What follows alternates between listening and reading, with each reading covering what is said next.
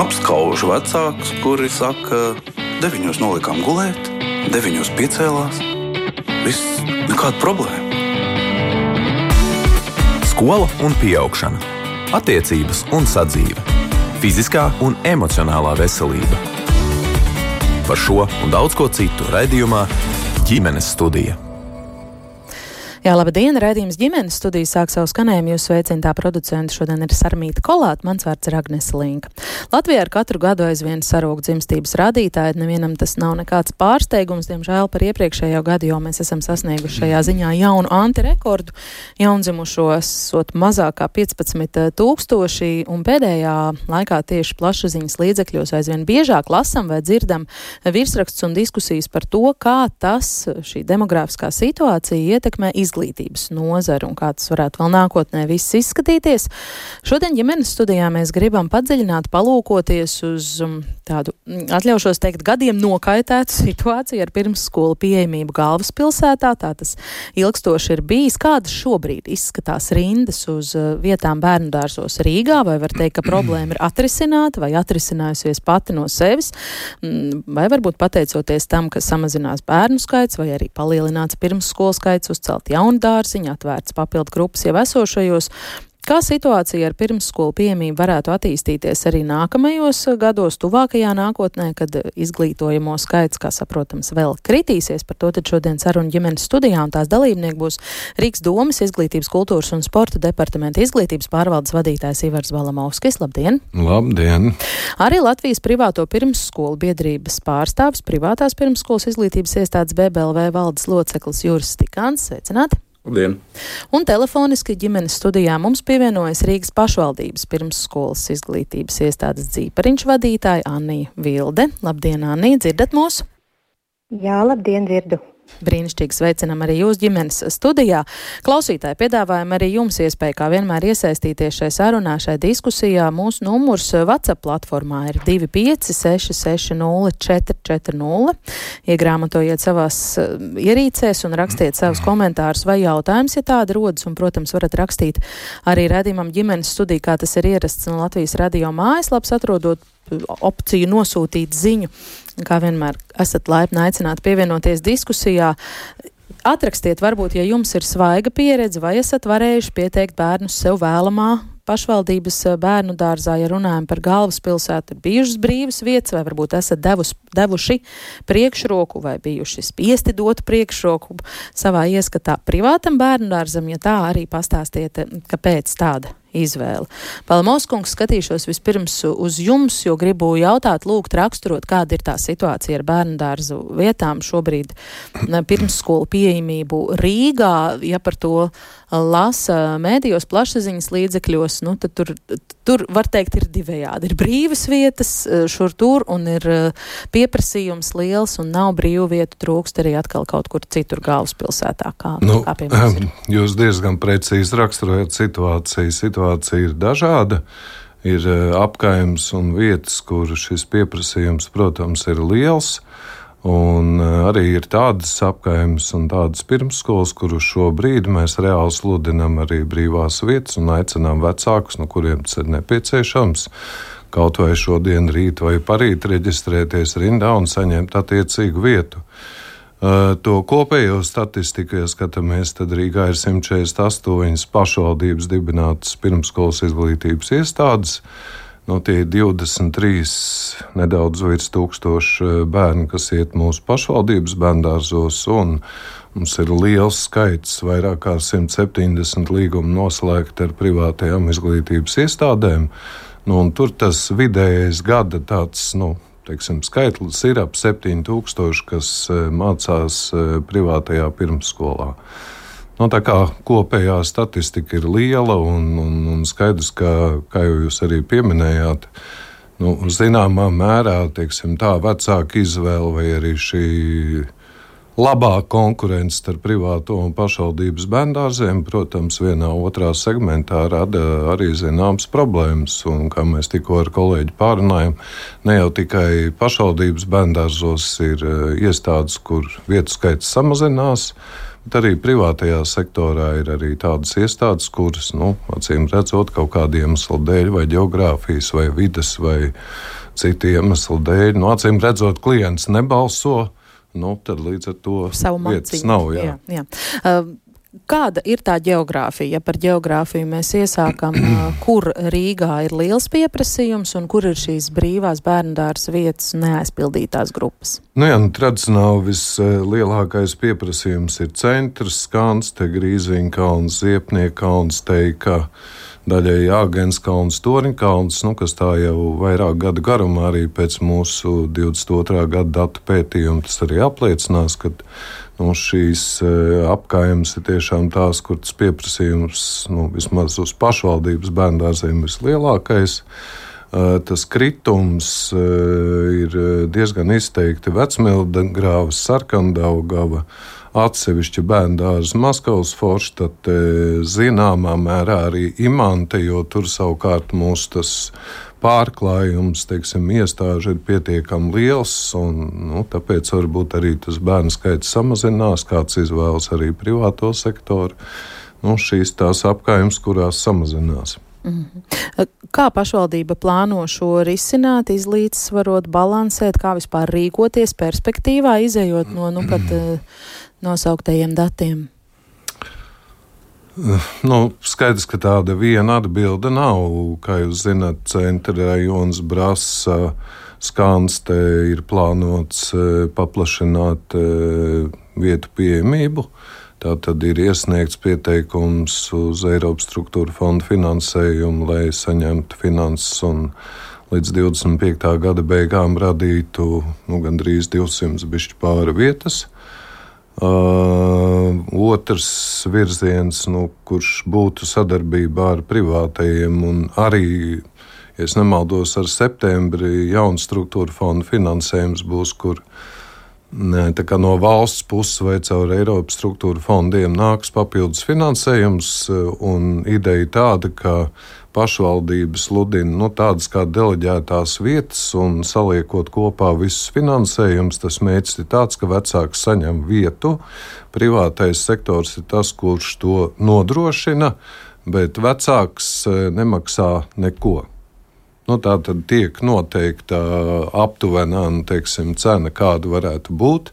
Uzņēmēji piedāvās savu, uh, Nu, ja tie skaitļi sakrīt, gan tas Eiropas struktūra fonda finansējums, attiecīgi pašvaldības un tas, kas nāk no valsts dotācijas, nu, tad šajās e, vietās varētu tikt ar privātā sektora atbalstu radīts jaunas vietas. Mhm. Bet e, nu, tas mums ir nākotnes arī uzdevums sadarbībā ar privāto sektoru izvērtēt, uz kurām apkaimēm, uz kurām vietām mēs šos iepirkumus vai deleģējumus slēgsim. Jo nu, diez vai ja mums abām pusēm ir skaidrs, ka mums ķēngaragā vietu pietiek gan pašvaldības, gan privātā sektorā, nu, diez vai tur būtu liederīgi sludināt vēl papildus deleģējumu vai iepirkumu. Jāskatās, būtu tur. No nu, tās apgājumas, kā jau minēju, kur šis pieprasījums lielāks nekā piedāvājums. Protams, jā, privātais sektors varēs arī šeit piedāvāt vietas. No cik es zinu, tad centrs skanste nav jau nemaz tik viegli arī saņemt šīs telpas vai, vai teiksim, atrast vietas, kur šo privāto infrastruktūru attīstīt. Un arī cenas īra ziņā ir daudz lielākas nekā tās ir varbūt no tālāk no centra. Tas mums tāds kopīgs, nu, varētu teikt, tuvākā laika darbs, lai nonāktu līdz kaut kādam rezultātam. Mm -hmm. Stikānkungs, kā privātais eh, sektors raugās uz šo, ko grib, ko var eh, piedāvāt? Kā vērtējat piedāvāt tādu jaunu sadarbības modeli ar Rīgas pašvaldību? Mm, es personīgi neesmu informēts par to kārtību, par sistēmu. Tas vēl, vēl laikam gaišajā nākotnē. Jā, jā, tāpēc es izvērtēt to nevaru.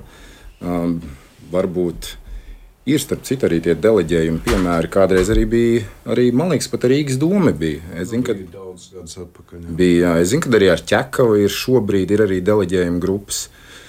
Nu, cik es esmu informēts, tad ņemot vērā to finansējuma daudzumu, par cik, nu, tad, tad, cik pašvaldība maksā par vienu bērnu, tā summa ir maza.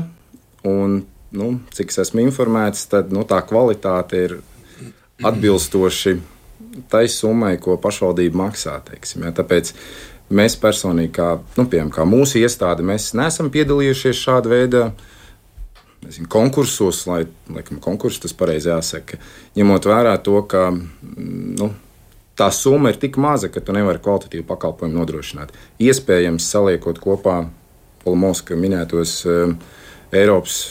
Eiropas naudu saliekot kopā, iespējams, ka tas piedāvājums var jau būt tik būt konkrēti spējīgs, ka, ka tas kļūtu daudz interesantāk nekā līdz šim.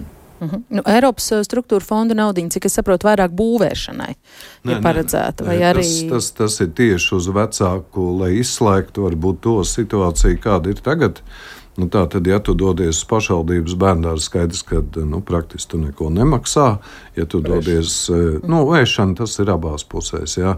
Bet uh, privātajā sektorā nu, ir dažādi, ir, kur gandrīz nu, minimāli tā vecāka dalības maksa līdz pat 100 vai 150, 200 nu, ir, kur ir pat varbūt arī vairāk. Jā. Ir pat krietni nu, vairāk. Krietni vairāk jā, tā kā nu, šeit eh, tas, tas. Eh, ir plānot šo mainīt, šo izlīdzināt. Jo mums galvenais ir saprast, ka jūs savā starpā ļoti labi eh, tverat, par ko jūs runājat. Es arī mēģinu turēt līdzi, bet iespējams, ka daļai auditorijas nē, nē, nu, varētu es tikai piebildīšu, piebildīšu ka tā. šis projekts ir vēl tikai sākuma stadijā. Un tas neatieksies uz pilnīgi visiem mm, bērniem, kuri tagad apmeklē privāto izglītības iestādi. Tas mērķis no valsts puses ir tikai par jaunu vietu radīšanu, kuras rezultātā palielinās to vecāku skaits, kuri nepiemaksā neko, ja viņš apmeklē caur šo deleģējumu līgumu privātās izglītības iestādes. Manuprāt, eh, nu, no vienas puses mērķis ir labs, Bet nu, tad mēs nonāksim tā vēl tādās trijās daļās. Viena vecāka pašvaldības bērns neko nemaksā, privātais, kur turpina maksāt, un tad kaut kāds segments caur deleģēto, kuri arī nemaksās, bet apmeklēs privāto. Nu, sistēmiski tas katrā ziņā, manuprāt, ilgtermiņā nav pareizi. Un, ja šo lietu gribētu attīstīt, ko mēs esam runājuši arī ar privāto sektoru, arī ar Dainu Kājiņu Nu, kaut kad jau vajadzētu nonākt vai nu līdzīgi kā tas saucamais Norvēģijas modelis, ka mēs visi kaut ko tomēr līdzfinansējam neatkarīgi vai privātais vai pašvaldības, bet tam ir tomēr jābūt kaut kādam noteiktam. Nu, teiksim, tā izmaksu limitam vai procentam, kuru neviens nepārsniedz. Un tad vecāka skatījumā tas ir līdzvērtīgs pakalpojums, vienalga, vai to ir privātā vai pašvaldības. Jo, nu, būsim korekti arī, kāpēc eh, privātajā sektorā šīs izmaksas nu, teiksim, atšķiras, vai viņas ir virs arī pašvaldības vidējām izmaksām. Nu, pirmkārt, nevienmēr bērnu skaits grupās, nu, es runāšu kopumā. Jā, viņš bieži vien varbūt ir mazāks nekā tas ir pašvaldības bērngārzā. No tā izrietot arī, protams, izmaksas uz vienu bērnu var būt dažādas. Tas ir dažādi īpašumu, kuros tas notiek, ir kam varbūt ir tikai nu, teiksim, tā pielāgotas telpas vienā kaut kādā korpusa stāvā. Trīs telpas, tas nav vesela ēka, kurā notiek eh, pakalpojums, kāds ir pašvaldības bērngārzā, ar visu teritoriju, ar aprīkojumu, ar iekārtām un tā tālāk. Nu. Nu, es pakomentēšu Balmos kunga teikto. Tad, tad uh, pašvaldības veids aprēķinu par vidējām izmaksām par iepriekšējo periodu. Tur ir konkrēts kalkulators, kurā saliekot ciparus, mēs dabūjam attiecīgi to ciparu, ko, ko vecākiem pašvaldības līdzfinansē. Jāpiebilst, ka um, tie cipari ir diezgan krasi atšķirīgi. Un par šo mēs jau vairāk kā ģimenes studijā jā, esam jā, runājuši. Krasi atšķirīgi. Nav... Es teiktu, ka Rīga ir laba. Rīga ir, Rīga ir nu, neteiksim, vārds dāsna, bet, bet nu, relatīvi teiksim, tas finansējums ir, ir, ir, ir, ir ok. Uh, un, nu, lūk, un atgriežoties pie šīs. Pie šī kalkulatora uh, ir jāņem vērā tāds būtisks fakts, ka tajā kalkulatorā, nu, ko pašvaldības uh, uz šiem ministra kabineta noteikumiem aprēķina, uh, nav iekļautas visas pozīcijas. Nu, es pieņemu, ka jūs arī esat par to runājuši. Protams. Jā. Jā. Un, un, uh, nu, ja mēs vienkārši nosaucam dažas lielas pozīcijas, nu, kā piemēram eh, telpu noma, nu, kura pašvaldībā ir nulle. Eh, nu, nu, teiksim, mēs maksājam piemēram 8 eiro par kvadrātmetru, ja vienam bērnam ir vajadzīgi 7, 8 kvadrātmetri. Jūs jau varat izreikināt, ka tie jau ir kādi 80 eiro ar PVN. Vienkārši viena bērna izmaksas tikai telpas. Tāpat tās kapitāla ieguldījumi, ja, kurus, kur mums ir remonts, kur mēs veicam, mums ir grāmatvedības pakalpojumi, kur katra bērna izmaksa. Jurists, ja tāds nepieciešams, nemaz nerunājot par mārketinga aktivitātēm, nu, mm, kas noved pie tā, kāpēc veidojās šī starpība. Nu, cik viņa ir katrai, katrai privātai iestādē lielāka vai mazāka, nu, tur nu katrs komersants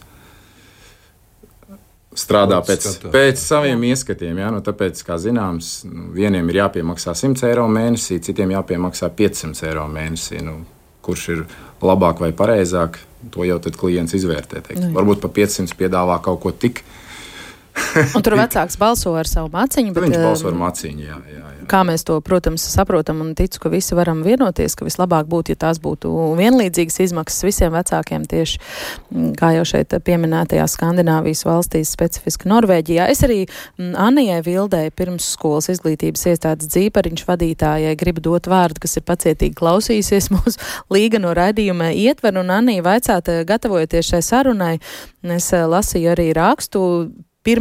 mārts 2023. gads, tātad gandrīz pirms eh, gada bērnu dārs dzīpariņš pirmā diena jums kā eh, vadītājai šajā amatā centrs rūpniecības iela. Mm, nav tikai pašu bērnu, es citēju kolēģu rakstīto portālā LSM, nav arī vajadzīgo desmit bērnu dārza darbinieku. Kā jums tagad ir izdevies iestrādāties, kāda ir situācija, vai jūsu eh, vadītajā pirmsskolā ir brīvas vietas vai ir aizpildītas visas nepieciešamās pedagoģu vakances, un kā jums ir tas eh, veicies šī gada laikā? Jā, gandrīz gads ir pagājis, un savu solījumu esmu turējusi. Šobrīd dzīvpariņā ir atvērtas visas piecas grupas.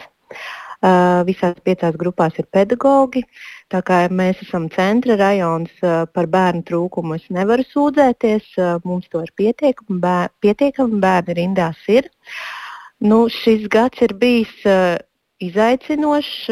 Protams, ir nācies arī atvadīties no pāris pedagogiem, ar kuriem dažādu iemeslu dēļ vienkārši nesakrita mērķi un redzējums par to, kā tad ir jāstrādā bērngārzā un kādas, kādas ir manas ekspektācijas par to, kā, kā dzīpariņš strādās. Bet uh, Es eh, ceru un ticu, ka mēs jau esam uz pareizā ceļa ar manām eh, kolēģiem un skolotājām, un ka mums viss izdosies.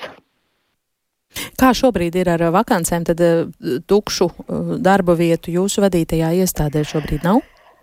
Mums ir divas vakances skolotāju palīgiem. Cik viegli vai grūti tās ir aizpildīt? Gada vidū ir diezgan grūti aizpildīt, bet jau šonadēļ ja man nāk divas skolot, skolotāji, divi skolotāji palīgi. Cerams, cerams, ka izdosies, jā, izdosies, izdosies šīs vakances aizpildīt. Jā, Balmaus kungam jautāšu, vai jums ir informācija par to, cik vispār Rīgas pirmsskolās ir vakantu pedagoģu, pedagoģu palīgu vietu? Ir, jā, mēs tiešām šobrīd arī katru mēnesi monitorējam, bet līdzīgi kā jau tikko vadītāji teica, ja šodien tā vakants ir, tad atkal paiet divas dienas un viņi mainās. Nu, diemžēl mēdz būt arī situācija, ka tā viena iestāde, kurai bija vakants, tagad ir laimīga, bet izrādās, ka viņi ir eh, paņēmusi no cita bērndārs, nu, kas ir sliktākais variants. Jā. Savienotie trauki. Jā, jā, savienotie trauki. Nu, ne visos, protams, gadījumos. Nu, mēs esam skaitījuši ka mums tā vidēji šobrīd eh, kaut kur ap tādām 80 vakancēm, kas, kas ir tajā pedagoģiskajā sadaļā. Nu, arī kaut kur ap 45 likmēm laiks svārstās arī skolotāji palīgi. Bet nu, arī jau šeit studijā droši vien vairāk kārt ir teikts, ka Rīgas pilsētā mēs piedāvājam arī pirmsskolām šos divus modeļus, vai nu viens skolotājs un divu skolotāju palīgi nu, kas atkal atsevišķās iestādēs rada tiešām to skolotāju palīgu deficītu, vai atkal otrādi divu skolotāju un viens skolotāju palīgs. Un tas arī ir nu, tāda iespēja, ar kuru iestāde var, var iekšēji operēt. Un, un, ja nu, trūkst tas pedagogs un ir pedagogs, kas var viens pats to pedagoģisko procesu vadīt, tad iet arī šo ceļu. Jo privātajā sektorā, es domāju, diezgan daudzās iestādēs tieši mums arī ir, šādi tas pamatā notiek. Jā, jā, un arī ir gan, gan. Uh, mēs ļoti ceram, ka tiešām šī pieņemtā pedagoģa darba samaksas paaugstināšanas grafiks, nu, kurš tagad bija jau septembrī, ar 1. janvāru, vēl ir celts šīs algas. Pēc gada vēl tas tiek plānots, nu, ka tas tomēr arī dos tādu zināmu, varbūt ticību, ka arī šajā pirmsskolas grupā pedagoģa darba tiek novērtēts, un arī šī zemākā cena nu, jau ir pietiekama, varbūt arī konkurētspējīga pret citu darbu. Cita lieta, ka mēs konkurējam ar pierīgu, mēs konkurējam ar privāto sektoru, jo ministrs kabineta noteikumi nosaka zemāko un var pat līdz 50% celt šo zemāko un maksāt vairāk. Jā. Mm. Nu, kas, manuprāt, starp citu, arī valstiskā līmenī diskutējot jau par jauno finansēšanas modeli, esmu teicis, ka varbūt nu, šī sadaļa arī būtu kaut kā jāpārskata un nu, tomēr tādās normas robežās atstāt šo konkurētspējas grozu, nevis tik plaši kā 50 vai 60% virs zemākās. Lai bagātās pašvaldības nevar maksāt tik daudz, nu, pedagogiem neatņem Rīgā. Nu, nē, nu kāpēc arī bagātās pašvaldības arī savā starpā konkurē, un tas tomēr kaut kur to tirgu nedaudz varbūt kropļo pret valsts, jeb kāda citas profesijas vidējo, kur, kur nu, arī domāju, ka ir taču dzirdēts, kā nozars vienojas arī par kaut kādu objektīvu darbu samaksu par tirgus vidējo un, no, jā. un slēdz koplīgumus. Nu, katrā ziņā tas finansējums, kas ir nu, teiksim, pedagogiem pieejams, tas, protams, uzliek slogu diezgan lielu mums, kā komersantiem, lai mēs varētu to nodrošināt. Un, protams, tas uzliek slogu vecākiem, jo viņi jau maksā par pakalpojumu. Bet nu, mēs arī to, ko personīgi esam novērojuši, jā, ka nu, šis jau, šīs summas paliek konkurētspējīgas. Mhm. Ja mēs salīdzinām, Jā, pri, privātajā sektorā, kā ar vakancēm un, un darbinieku trūkumu vai pietiekamību? Uh, nu, konkrēti mūsu gadījumā Es personīgi uzņēmumā neatbildu, tāpēc es varu kaut kur kļūdīties, bet, eh, eh, bet, bet nu, strādā mums visas grupas. Eh, strādā mums, nu, tas nozīmē, ka mums ir simtprocentīgi nodrošināt, nodrošināts viss. Bet par sektoru kā tādu, par, par, par privātajām pirmsskolām, kā biedrības pārstāvjiem? Ja nu, kā biedrības pārstāvjiem, protams, ka šī ir tāda kā mīlestība, nebeidzama tēma, par ko var runāt, tad, protams, mēs arī savā tikšanās sapulcēs eh, dalāmies par kas kā kuram iet. Un, un, eh, protams, ka iztrūkumi ir. Un, protams, arī konkurence, arī mūsu starpā ir konkurence. Teiksim, ja? Bet uh, kopumā, kopumā, lai vēlreiz, vēlreiz uzsverotu to, ka tas, protams, ir diezgan liels sloks, un šis pēdējais paaugstinājums bija ļoti liels, nu, procentuāli milzīgs, pat teikt. Ja? Uh, tad, tad es pat teiktu, ka beidzot to, ko pedagogi saņem, varbūt tas, ko viņi ir arī nopelnījuši. Ja, Drusciņi pietuvojamies tam. Nu, mēs pietuvojamies tam, lai tā profesija ir uh, cienīta un lai tas nav hobijs, lai tas nav, kad uh, mm, cilvēks strādā ar bērniem, tāpēc, ka viņam patīk šis darbs, bet tāpēc, ka viņš tiek novērtēts. Un, un, jā, tas kļūst noteikti interesantāk. Es esmu drošs par to, ka pie šīm summām arī nebūs, nebūs jākonkurē savā starpā, bet mēs sāksim konkurēt ar, ci, ar citām nozarēm un, un jauniešies mācīties, vai pārkvalificēsies un nāks strādāt. Mm. Anī, vai jūs kā iestādes vadītāji to jūtat? Um, kā algu pielikums, algu palielinājums atvieglo situāciju jums ar darbinieku atrašanu? Jā, tas noteikti atvieglo un arī, protams, arī rada tādu pozitīvāku vidu vidi iestādē. Eh, protams, man kā vadītājai gribētos, ehm, ka, šobrīd arī man eh, ir tiek dots izvēlēties darbiniekus, izvēlēties labākos, un šis algu palielinājums šādu iespēju dod. Gribu arī vēl eh, jums jau pajautāt, Marta ziņā bija iekļauts arī tas, ka tikai daļēji tajā brīdī strādāja arī otrs Rīgas jaunais bērndārs Sozoliņš Slāvu ielā 19. Kāda tur šobrīd situācija? Esat varbūt informēts? Esmu gan, jā. Tā tad tur vēl uz šo brīdi četras grupas eh, nav nokomplektētas. Nu, vienkārši iemeslu dēļ, ka nav šo izglītojumu. Um, tajā brīdī, kad tika pieņemts lēmums no nu, šo ēku, kas kādreiz bija vēsturiski bērngārza ēka, pēc tam tur atradās skola, tomēr pārtaisīt nu, vai rekonstruēt atpakaļ pa pirmsskolu. Nu, dati liecināja kaut ko citu, bet zinu, ka arī pat uh, vienlaikus ar mūsu lēmumu renovēt arī privātais sektors. Ķēngaraga apkaimē attīstīja arī nu, teiksim, tā, savu infrastruktūru, nu, kas var būt uh, nesaliekot arī kopā šo informāciju, radīs, ka gan vieniem, gan otriem nu, šobrīd nākas konkurēt ar bērniem. Bet eh, skatoties ķēngaragu, tas varbūt nebūs vēl šī gada jautājums, bet noteikti nākošā, aiznākošo gadu jautājums. Nu, visticamāk, būs jāpārskata arī ķēngaraga esošās pirmsskolas, kur varbūt tas bērnu skaits arī ir mazs, un būs jāpieņem lēmums iespējams kaut kādas grupas pārcelt, nu, pieņemsim, uz, uz šo iestādi un kādu ēku arī atbrīvot. Mm, jā. Mēs arī... tādu scenāriju neizslēdzam, un tāpat kā tas notiek ar skolām, kur kādreiz optimizācijas rezultātā tiek atbrīvotas ēkas, nu, visticamāk būs arī pirmsskolās šādi. Mm. Tāpat arī mums Anna raksta, ka jaunciemā ir tikai viens mazs pašvaldības bērndārs, bet bērni tur ir tikuši uh, vajadzīgajā laikā un bez kā, jebkādas rindas, un viņi zina, ka uz dārziņu brauc bērni arī no citām Rīgas uh, apkaimēm. Šī tad ir tā migrācija, ar ko piespiedu migrācija, ar ko daudz vecāki nav apmierināti.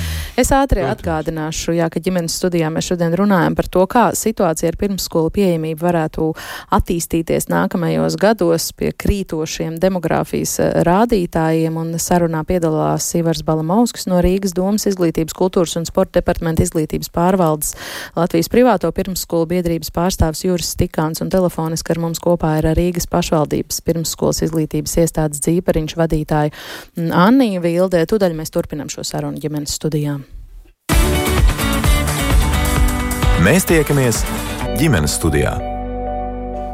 Jā, es gribētu to sarunas gultni un gaitu pavērst eh, tajā mm, virzienā, ka pašvaldības, eh, konkrēti galvaspilsētas pašvaldības virzienā no šiem pašiem uh, privātajiem pirmsskolu mm, pārstāvjiem izskan pārmetumi, ka nesaimnieciska rīcība un nepārdomāta ir tuvākajā nākotnē celt par daudziem miljoniem jaunus bērnu dārzus Rīgas centrā. Kā jūs šim atbildētu? Nu, mēs jau esam par šo tēmu atbildējuši, un varu vēlreiz tikai uzsvērt, ka tajā brīdī, kad mums tiešām uh, bija pieejams šis Eiropas struktūra fonda finansējums, kas no tiem prognozējumiem 11, 12 miljoniem, uh, 4,5, ja nemaldos, uh, ir šis Eiropas finansējums. Nu, pieņēmām to lēmumu, šo naudu un šo iespēju virzīt tieši Skansas apkaimē. Uh, Uh, bija divi projekti. Otrs mums bija Ziepniekauns, ko es kā minēju, bija Riņa apkaimē, kur arī tas vietas skaits. Nu, teiksim, tā šķiet, ka būtu pietiekams, sevišķi, ja vēl to skatītos nedaudz arī pierīgas kontekstā. Bet pieņēmām par, lēm, par labu skanstei, jo nu, tur tomēr visi dati rāda, ka tas bērnu skaits ir pietiekams un arī tur attīstīsies vēl dzīvojamais fonds. Būs daudz darba vietu, kā zināms, arī Skāns apkaimē. Nu, tā rezultātā nu, tas lēmums tāds tika pieņemts. Vai varēja šeit runāt ar privāto sektoru nu, par 150, 200, 220 vietu jaunu radīšanu? Nu, grūti teikt, bet tāpat tās. Nu, pateikt, ka mēs to vēlamies, jūs to darat, un mēs jums aptuveni kaut kādu naudas summu iedosim, nu, tas tā arī nestrādā, kā iepriekš runājām. Tad nu, vienalga tam jābūt vai nu deleģēšanas līgumam, jo mūsu nosacījums pie šo jauno vietu radīšanas, protams, ka vecāki neko par to nemaksā. Mhm. Un, un jaunas infrastruktūras izbūve, kāpēc arī tieši skanstē, Jo vienlaikus ar šo jauno apjomu, kas tiks uzcelts, tiks sakārtots arī diviem esošiem bērngārziem infrastruktūra, kas arī daļēji šajā summā, nu, tā teikt, plus no pašvaldības naudas nāk eh, klāt.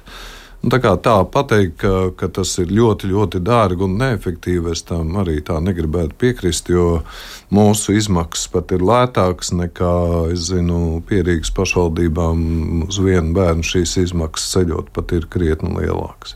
Mm -hmm. Stikānkungs, pieņemat šo argumentāciju atbildi?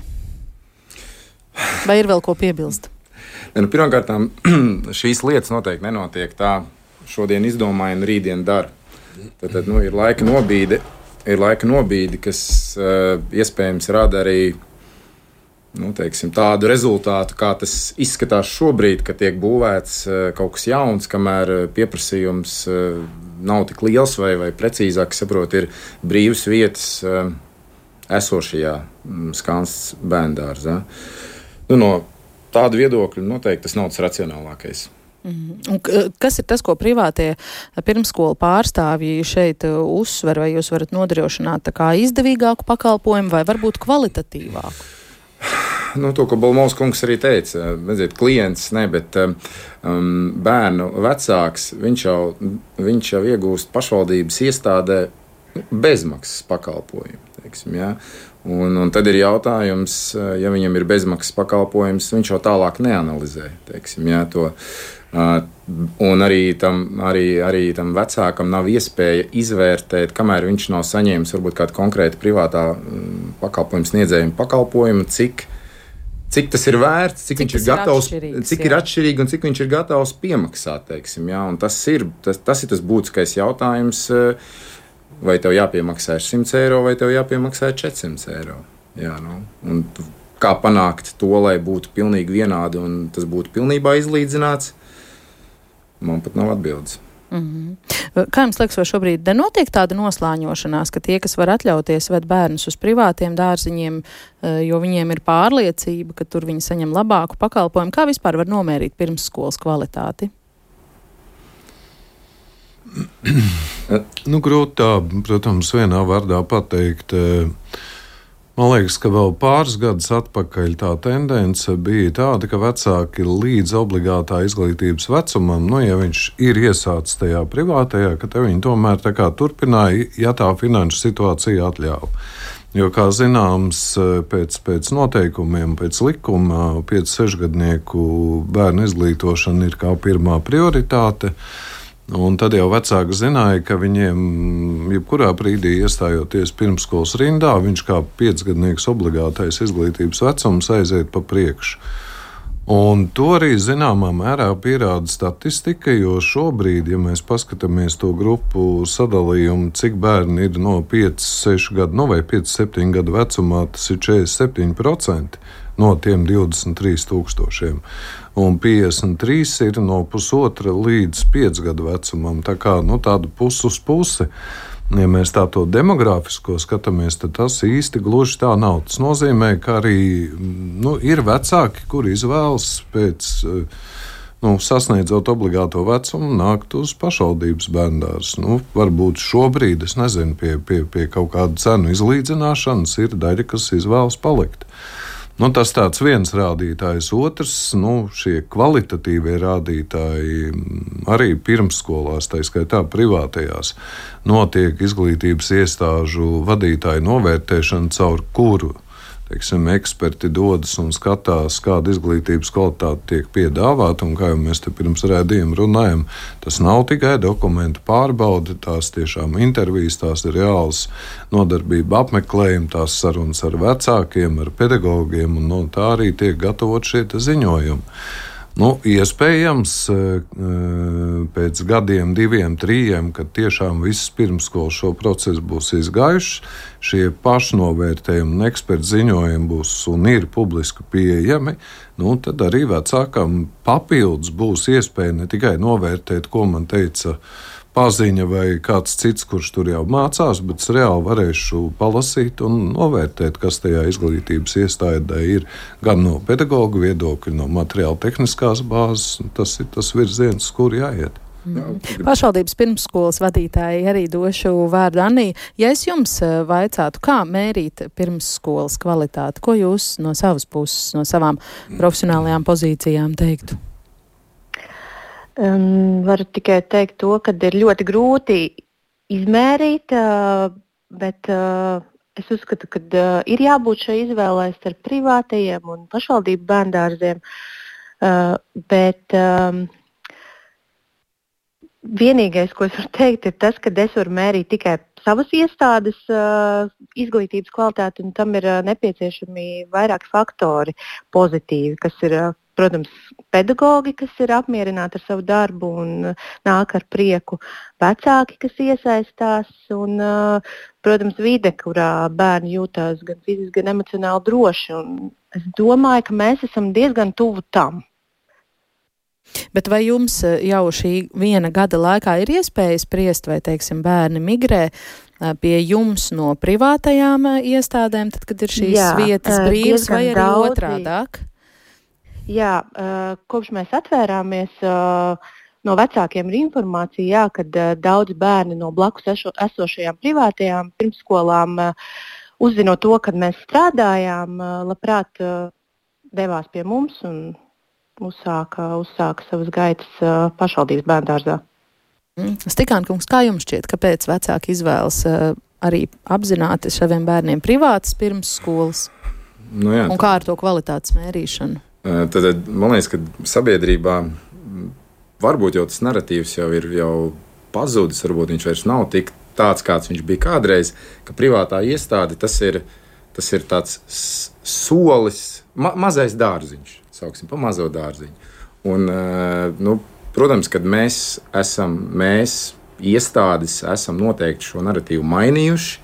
Un Balmos kungs teica par statistiku par aptuveni 50 uz 50.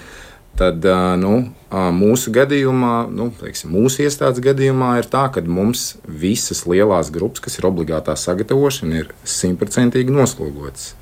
Tas nozīmē, to, ka viņi ir izdarījuši izvēli, Nē, palikt. Iet, palikt. -hmm. Un, savukārt, lai tā izvēle būtu par palikšanu, protams, ir pirmkārt attiecīgi jāstrādā, jānodrošina pakalpojums, un otrām kārtām jābūt finansiāli interesantam piedāvājumam. Ja? Un tas, tas ir tas, pie kā ir tas, kas ir ļoti svarīgi, lai šis finansējums, kas nāk no pašvaldībām, būtu pietiekami liels, lai mēs kā privātās iestādes spētu nodrošināt, lai tā starpība, ko vecāks piemaksā, Tajā brīdī, kad pienāk maijs, viņš paņem labo roku, paņem kreiso roku un sāk izsvērt, vai es esmu gatavs piemaksāt 100 eiro par to, ko es saņemu, vai 200 eiro kā kurā iestādē.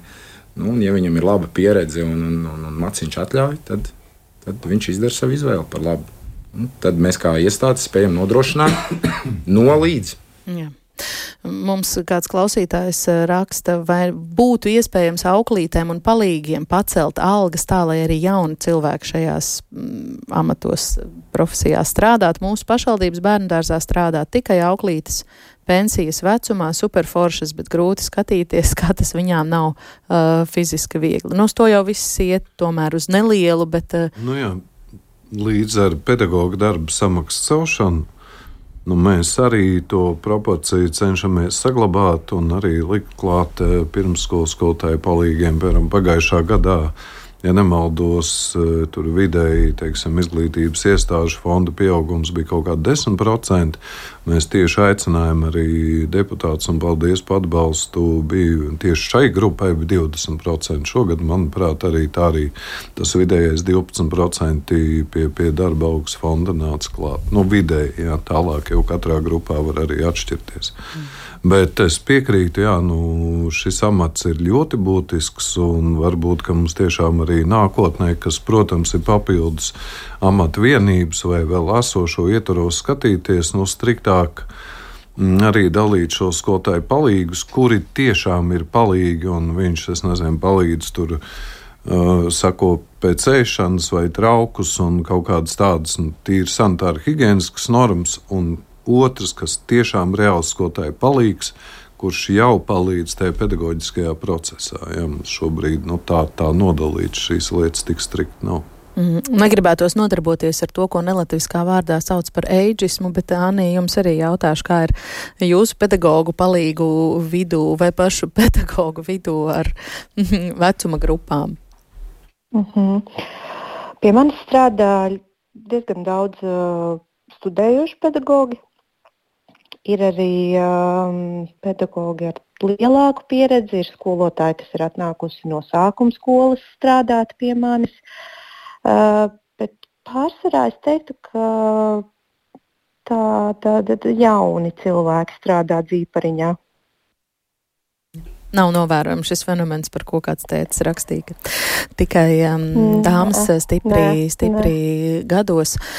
Atgriežoties pie nē, jautājuma. Nē par kvalitāti un par, tās, um, par tām iespējām mērīt pirmsskolu kvalitāti, jo iespējams, ka tad, kad uh, pašvaldībai būs uh, daudz brīvu pieejamu vietu visos Rīgas rajonos uh, pirmsskolās un arī privātais sektors turēsies pie savas šīs uzņēmē darbības jomas, mēs nonāksim situācijā, ka tā konkurence tiešām varbūt sāsināsies un vecāks um, būs spējīgs un viņam būs iespēja daudz vairāk domāt par to, kur es gribu saņemt šo pakalpojumu kur tas būs viskvalitatīvākais. Un tad tad interesējoties par to, vai un kā šo vispār ir iespējams izvērtēt, um, vērsāmies pie izglītības kvalitātes valsts dienesta, lai aprunātos ar um, iestādes pārstāvu Maksimu Platonovu par to, mm, kā tad, kā tad šobrīd mm, tiek mērīta pirmskolu kvalitāte mm, valstī. Viņš vispirms raksturo to ar dažādiem skaitļiem.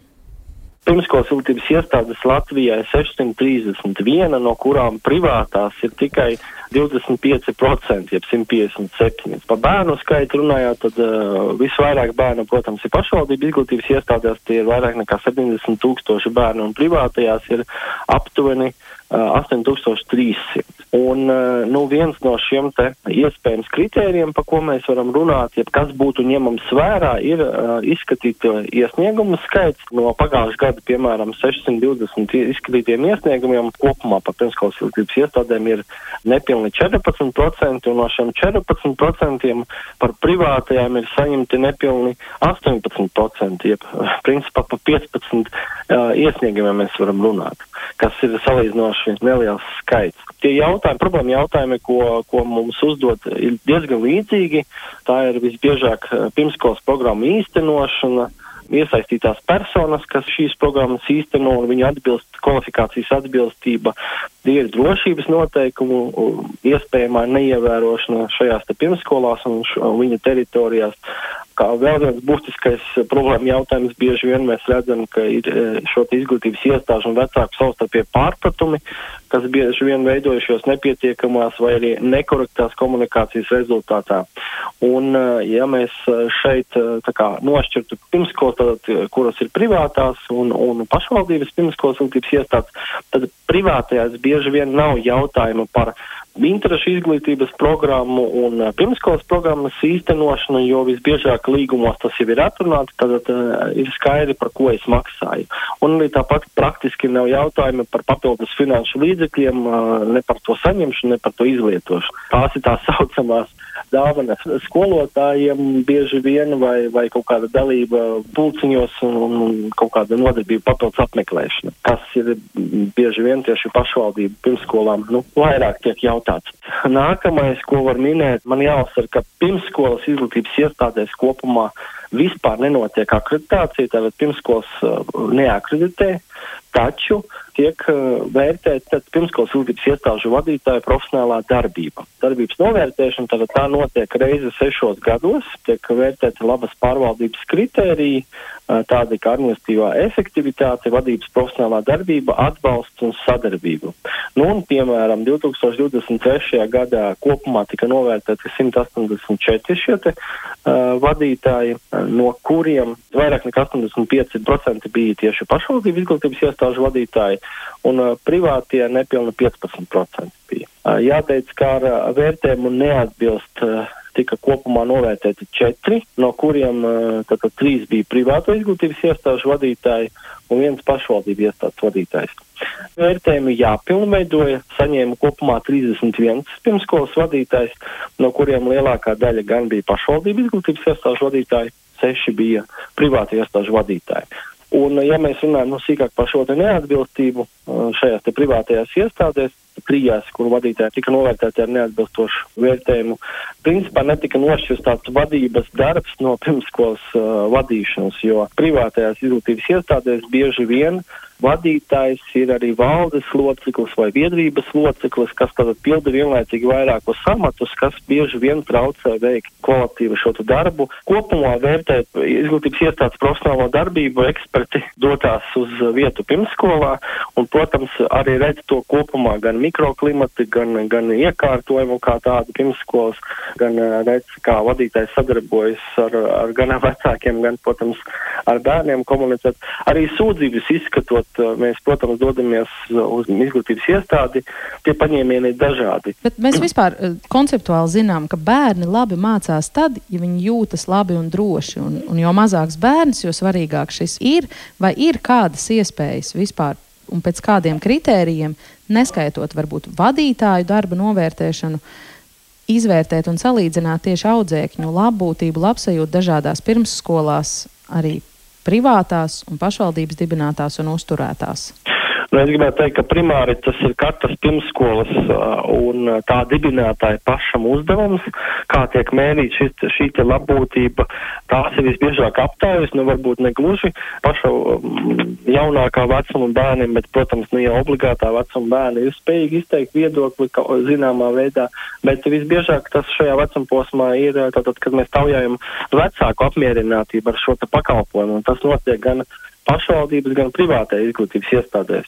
Es gan gribētu izteikt pieņēmumu, ka privātās izglītības iestādes viņas pēc būtības tādas ir mazākas, nu tā kā ģimeniskākas, ja tā var teikt. Un, nu, līdz ar to piekritīsiet, ka ja vecāks maksā līdzmaksājumu, nu, viņš vienkārši var to nedarīt un iet uz, uz citu pirmsskolu. Līdz ar to es pieņemu, ka vecāki tātad tie, kuri tātad izvēlās šo te privāto pakalpojumu sniedzēju, paši mēra to kvalitāti un viņiem nu, ir pieņemams tas veids, kā darbojās. Tādēļ arī tas iespējams izskaidro to zināmā veidā nelielo iesniegumu skaitu, ka tie jautājumi tiek savstarpēji atrisināti. Un kopumā es gribētu teikt tā droši ka tur, kur ir laimīgi bērni un apmierināti gan vecāki, gan nodarbinātie, tas arī liecina par to, ka nu, ar pirmskolas izglītības iestādes darbību daudz maz viss ir kārtībā. Mēs tiekamies ģimenes studijā. Un droši vien, ka varam pievienoties Platono kunga pēdējam izteikumam, tātad izglītības valsts dienestu uzraudzības departamenta departamenta direktora vietnieks Maksims Platonovs. Mm, kādi komentāri par viņa teikto un uzreiz tad varbūt papildi jautājums Balamaus kungs jūsu virzienā, cik bieži notiek, piemēram, vecāku aptaujas par pirmsskolu kvalitāti galvaspilsētā? Uh, gribu teikt, ka daudz. Mēs izmantojam pirmkārt Dūrio platformu, kur mums vismaz divas, trīs aptaujas gadā ir, kas arī konkrēti tieši ar pirmskolu saistītas. Tā ir skaitā, kā jūs minējāt. Bet tas aptver visas pirmsskolas? Jā, jā, jā. jā. Ko ar šiem datiem iesākat pēc tam? Pirmkārt, jau viņi ir pieejami pašai iestādēji, detalizācija tālāk mums tiek dot uz pašvaldību kur mēs redzam kopējās tendences, procentuālās atbildes un dažādos griezumos. Ko iesākat? Tālāk, protams, ka tas ir attiecīgi darbs ar konkrēto izglītības iestādi. Ja tur ir kaut kādas lietas, kuras ir jāuzlabo, mums pašvaldībā ir šobrīd seši konsultīvie centri izveidoti, kur atkal atbalsta personāls vai speciālisti var palīdzēt. Nu, skaidrs, ka tas nav viens dienas vai vienas stundas jautājums, bet mērķiecīgi pirmkārt jau pieredzinot pie tā, ka šādas aptaujas notiek un ka viņu rezultāti tiek analizēti. Tas jau pēc būtības arī katrai iestādē ir katru nākamo reizi. Liek pie šiem jautājumiem piestrādāt. Esam jau teikuši daudzkārt, mums ļoti pozitīvi vērtējas arī bērniem droši draudzīgs bērndārs programmā. Vairākas iestādes ir arī šajā programmā, kas ir top 4, kur arī ir atsevišķi atkal elementi, kā mm, ja, runāt. Jā, jā, jā. Tā kā nu, tās iespējas ir. Un, un, mm. Anni, grib pajautāt, vai arī jūsu vadītajā iestādē notiek šīs aptaujas, ko jūs pēc tam ar tiem rezultātiem darāt? Jā, es aptaujas izmantoju ļoti aktīvi, jo man ir svarīgi, tā kā mēs esam jauns bērndārs, saprast to vecāku viedokli, jo viņi ir tie, kas mums parāda, kā mūsu bērni ir adaptējušies un kā viņiem patīk dzīvpriņā. Protams, pats bērns arī ieejot grupā mums to parāda. Bet jā, es šīs aptaujas izmantoju, es izmantoju Dūrio platformas aptaujas, es pati viņas veidoju. Kā tādas papildu aptaujas, lai noskaidrotu par to, kāds ir vispār mikroklimats mūsu iestādē, kas ir tie jautājumi, kas varbūt vecākiem ir neskaidri, kurus viņi vēlas uzdot, bet varbūt kautrējas vai nav laiks uzdot. Uh, jā, es to daru, un, protams, pēc, šī, pēc šīm aptaujām seko arī mana rīcība. Tā kā tuvojamies sarunas noslēgumam, tad pēdējais jautājums un visiem īsās un konkrētās replikas atbildes uz tādu rezumējošo manu jautājumu. Kā jums šķiet, vai mēs virzamies uz to situāciju, ka mums būtu mērķis nodrošināt pēc iespējas vairāk uh, vietu, nevis nodrošināt pēc iespējas vairāk vietu pirmsskolās, bet nodrošināt pēc iespējas vairāk labu vietu labās pirmsskolās? Īsa atbilde, jā. Bet tas, kas šobrīd eh, notiek arī no pašvaldības puses, kādas darbības tiek veikts, tas uz to ved? Es gribu teikt, ka jā, jā noteikti. Jā. Nu, mēs kā komersanti, mums nav citu variantu. Mums ir jāstrādā labi. Nu, jo klients, vecāks ir tas, kas uh, novērtē. Un, un tas viņa novērtējums ir, vai viņš vēlās vai nevēlas šo pakalpojumu. Un, protams, ka konkurē, konkurencei paaugstinoties, ko mēs noteikti arī izjūtam šobrīd. Vecākam ir lielāka izvēle, jāstrādā ar vien labāk un labāk. To, ko varēja darīt vakar, vairs nevar šodien. Mm -hmm. Bet tie, kas var atļauties, tie balso ar maciņu, piekritīsiet Platono kungu teiktajam? Uh, nu, kā jau minēju, viss ir uh, privātā iestāde. Viņa varbūt vēsturiski tika uzskatīta kaut kas ekskluzīvs. Teiksim, ja, nu, es tam nepiekrītu. Es uzskatu, ka arī mums klienti ir kuri nāk ar kājām, un ir arī tādas, kuras šoferi atved.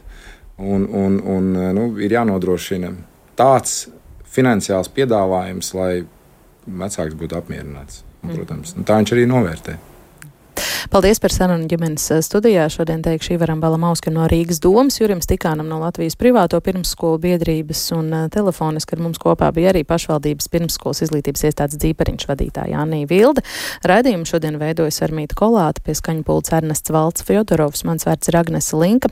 Karstā diskusija par to, kā tad ir jāmāca bērniem matemātika. Pavisam citādi kā agrāk vai tā kā senos laikos. Labāk par to sarunu ģimenes studijā būs rīt, kā vienmēr no diviem līdz trījiem. Klausiet klausieties, pievienojieties, tā klausieties mums arī podkāstos, mobilajā lietotnē un sekojiet ģimenes studijai sociālos tīklos uz sacirdēšanos.